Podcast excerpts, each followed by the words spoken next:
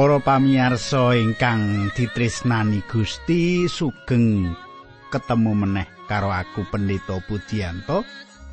Kaya padatan aku bakal bebarengan karo panjenengan ana ing adicara margi utami, adicara kang dadi klangenan panjenengan. Kepiye kabar panjenengan kabeh? Apa panjenengan tansah kaperingan katentreman dening Gusti? Mengkono pandongaku aku sak kanca saka batu tansah ndongake panjenengan ing saben-saben patemon iki panjenengan tansah jinangkung dening Gusti Allah. Nanging menawa panjenengan saiki lagi nampani coban karo wetaning urip, aja lali tansah suminde karo Gusti ing saben-saben supaya Gusti paring sih palimirmo mitulungi panjenengan. Sugeng midhangetake adicara iki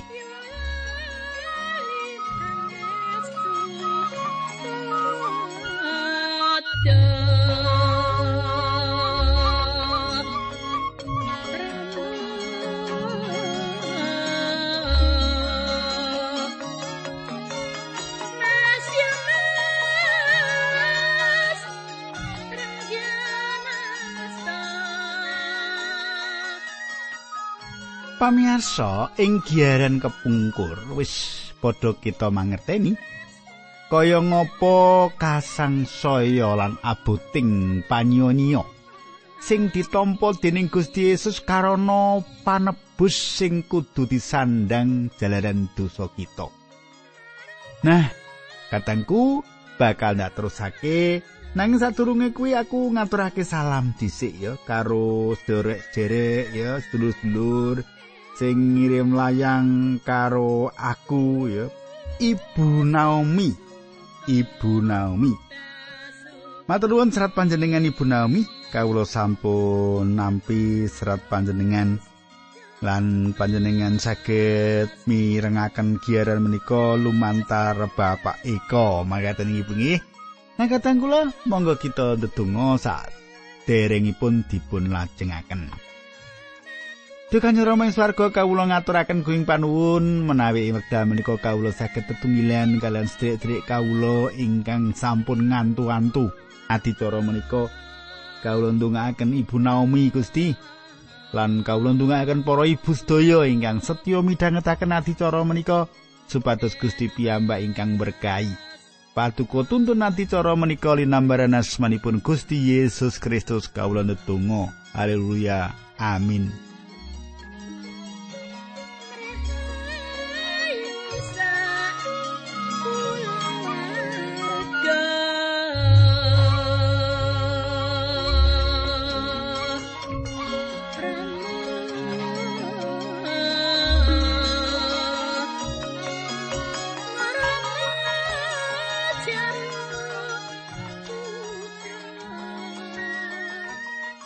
Para pamirsa, kita terusake kegilutan kita babagan nyemak dawuh pangandikan Gusti kang katulis ana ing Injil Matius 17.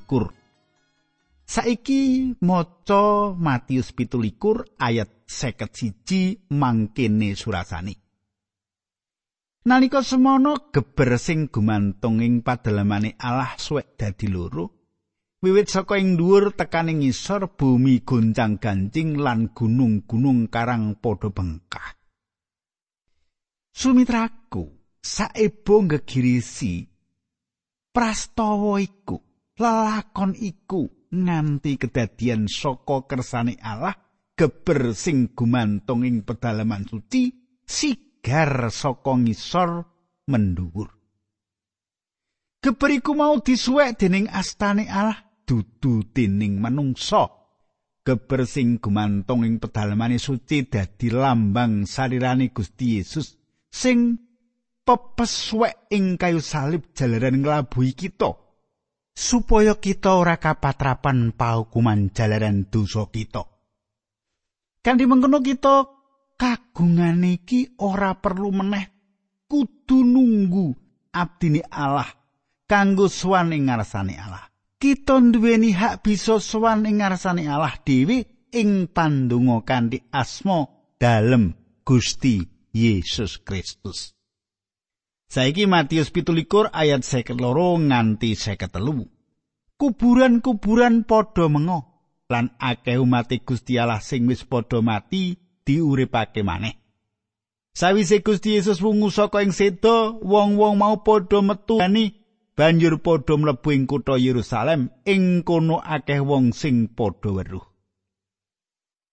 Katengku kang dak tresnani, reroncene lelakon iki pancen gawe ngungun ing ati mung ditulis ing Injil Matius. Wong golongan akeh sing dikeparengake sumengkoe menyang swarga, sing dipandhigani dening Gusti Yesus, lindu ing ayat seket siji pancen lindu sing wis dikersake Allah. Kanthi mengkono kuburan-kuburane wong suci padha mengo nuli wong-wong suci sing wis padha sedo padha ditangekake. Akeh sing padha ndeleng tangine para suci mau nalika semengko menyang ing kasuwargan saiki coba panjenengan semak ing layang Efesus papat ya Efesus papat ayat wolu. Tak wacake ayat wolu ayat songo ayat sepuluh ya mengkono. Nah pangandikane Gusti ing serat Efesus mengkini. Kaya sing dingendikake dening Gusti Allah ana ing kitab suci surasane sareng sumengko ngaluhur panjenenganipun ngendeng tiang-tiang tawanan kathah panjenenganipun maringi ganjaran dhateng manungsa. Tembung sumengko kuwi ateges panjenengane wis tumedhak ya kuwi tumedhak nganti tekan telenging bumi. Ayat 10 dadi panjenengane sing tumedhak kuwi ya sing sumengko ngungkuli dhuwure lan jembare saking langit lan ngebayi alam jembar iki. Saiki Matius 17 ayat 54 kumendan dalasan para prajurit sing padha njaga Gusti Yesus.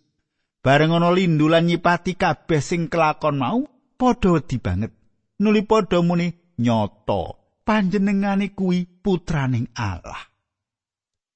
Katangku Ikus dipratelake yen komendane prajurit Rom nalika ngerti sedani Gusti Yesus banjur ngucap pancen nyata priagung iki putrane Allah.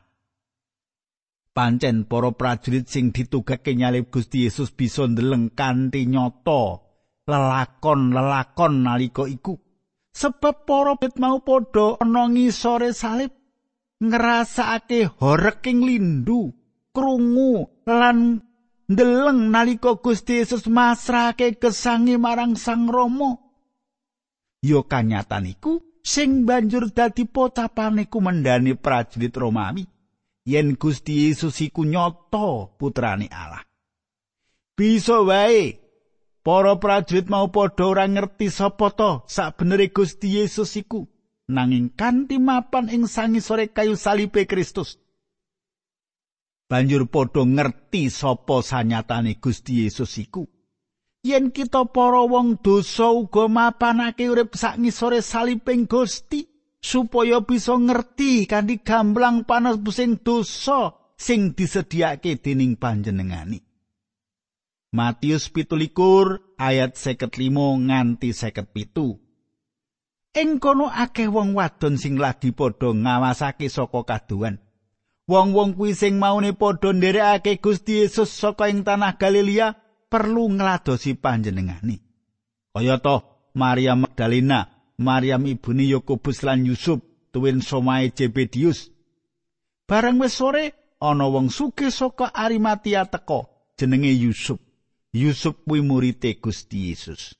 Katangku, Ora ana sing ngerti yen Yusuf iki uga murid Gusti Yesus nganti kelakon iku nalika para rasul semebar kaya kuthuk kelangan babone Yusuf saka Arimatia iki teka ing kono lan nuduhake iman kapercayane ing ngarepe wong akeh.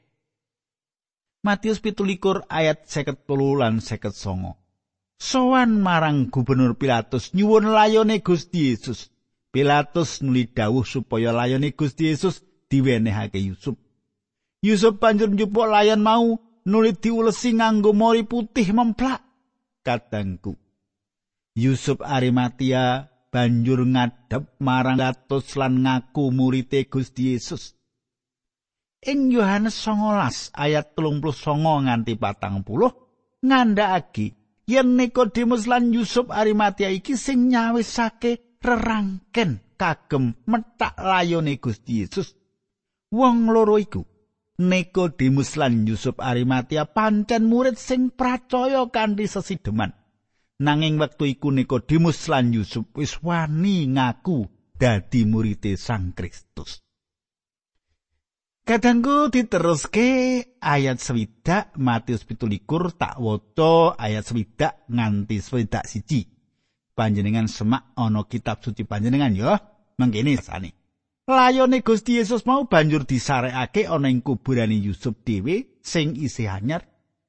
Kuburan mau wujud guwa sing digrowong ing padas. Sawise nutup lawanging pesarean nganggo watu gedhe, Yusuf banjur lunga.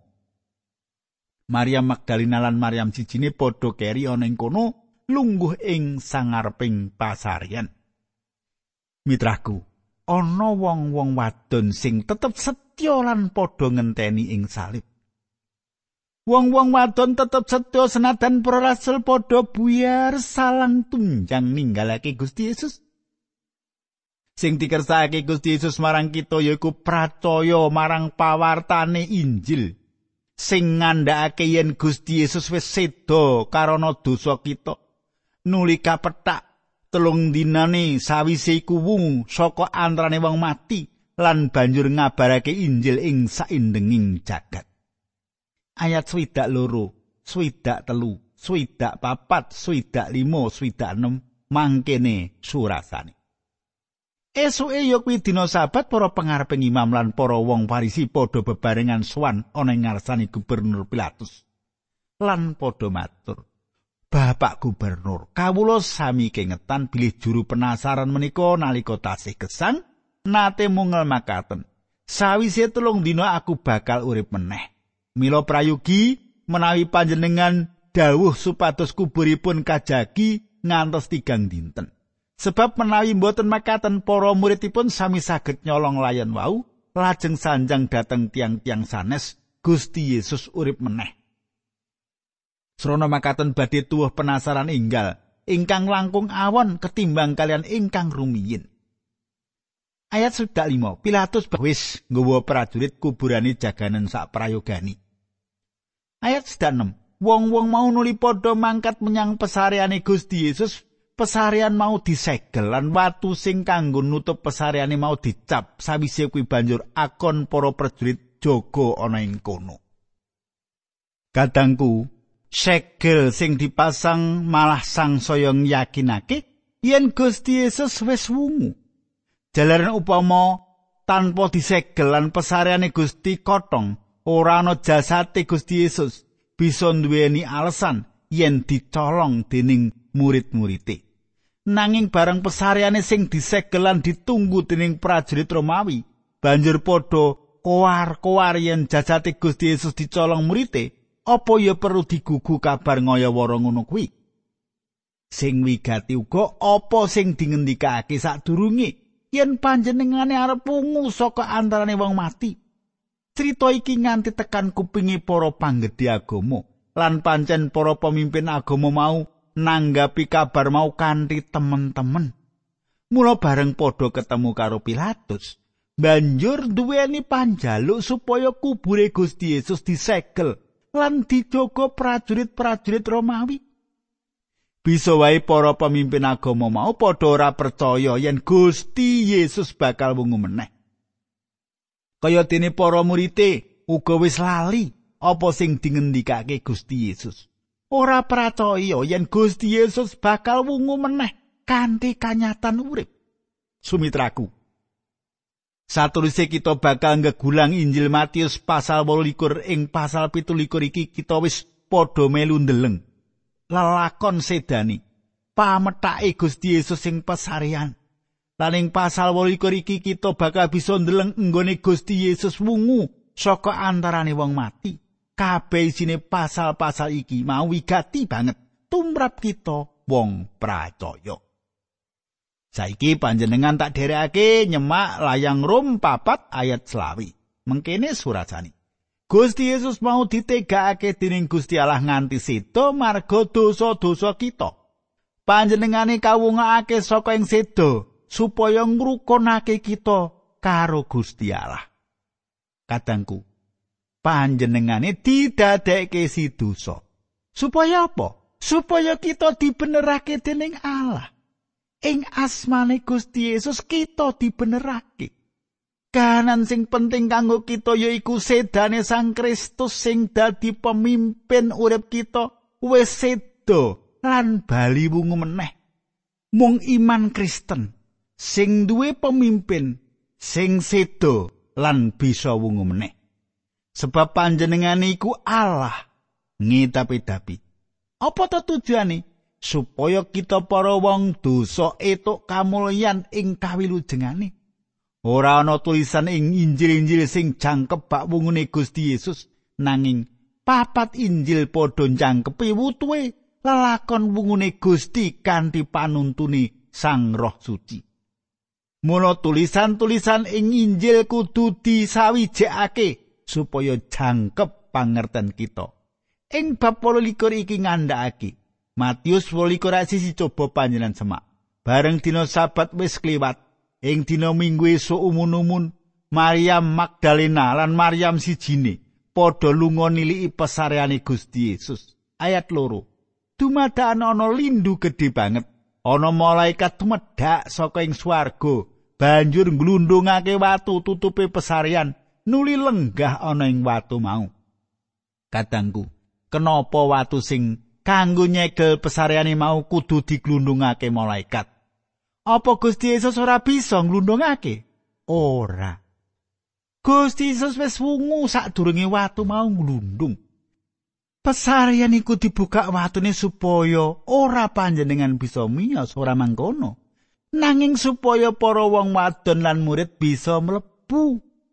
Sadurunge glundungake, Gusti Yesus wis wungu wis miyos. Coba semak Matius 28 ayat 3 lan 4. pasuryane malaikat kuwi mencorong lan agemane putih memplak prajurit sing padha jaga ana ing kono saking wedine nganti padha gumeter lan pucet kaya wong mati kadangku para prajurit padha ora duwe daya bareng ngerti ana malaikat ing kono Injil Matius 12 ayat 5 lan 6 mangkene surasane Malaikat mau nuli ngendika marang para wong wadon sing padha niliki pesaran mau mengkene Aja padha wedi aku ngerti yen kowe padha golek Yesus sing mentas disalib. Panjenengane ora ana kene, wis wungu, cocok karo sing dingendikake dek biyen, coba delengen panggonan tilase. Sumitraku. Apa dawe malaikat iki kanggo neguhake yen Gusti Yesus wis wungu sadurunge watu diglundungake malaikat.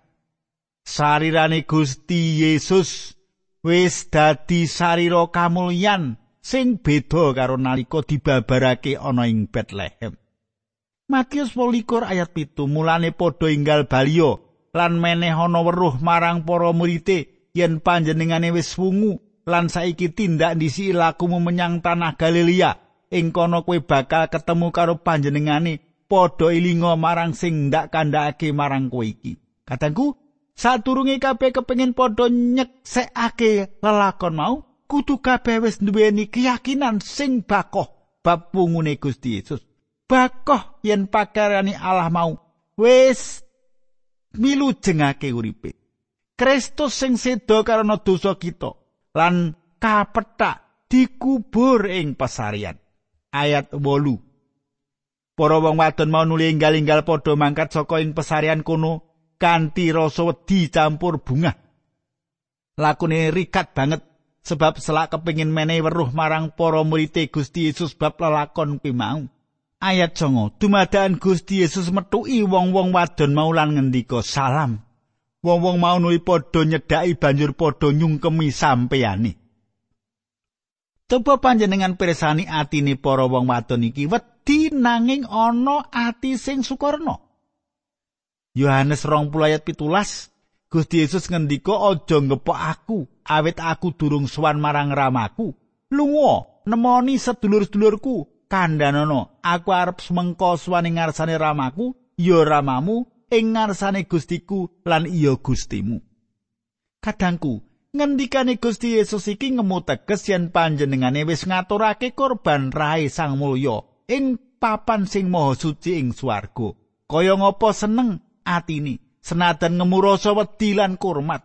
Matius 12 ayat 10 Gusti Yesus banjur ngendika aja padha wedi baliyo ngandani sedulur-sedulurku supaya padha mangkat menyang ing tanah Galilea ing kono bakal padha ndeleng aku ayat 11 Nalika para wong wadon lagi budal ana prajurit sawetara sing padha jaga pesarian lunga menyang kutha Yerusalem perlu nglaporake marang para pengareping imam bab apa sing kelakon kabeh. Kadangku Gusti Yesus paring janji yen arep ketemu manah ing Galilea. Para prajurit nglaporake marang para imam yen ora padha ngerti kapan wektune Gusti Yesus nilarake pasarian. Sing dingerteni yen watu wis nggulung lan jasate Gusti Yesus wis ora ana ing kono. Padha ngaku yen nalika iku padha wedi pancen yen to iki sawijining kaluputan bisa ketiban paukuman pati. Sabdani Gusti ngendika ngene, ayat rolas Para pengareping imam mau nuli padha rembugan karo para sesepuh bangsa Yahudi. Wong-wong mau nuli padha gawe putusan mbeseli para prajurit mau nganggo duit akeh. Ayat 13. Dini para prajurit mau padha diweling. Kowe padha mertak-mertakno yen para murid Yesus padha teka ing wayah bengi lan nyolong layone nalika kowe padha beneri turu. Kadangku kedadian iki ora klebu nalar. Lah wong prajurit kok dikongkon jaga sawijining panggonan lan ngreksa kubur supaya ora ana wong sing bisa mlebu ing walayah kono. Lan apa sing dijaga mau dadak ilang? Banjur apa alasane yen sing dijaga mau ilang? Apa ditinggal turu? Lah, wis sak mestine kudu etuk paukuman, iya to. Nah, katangku ayat 14 15 mengkene surasane. Yen Bapak Gubernur mireng bab kuwi aku bakal padha matur marang panjenengane supaya kowe ora dihukum.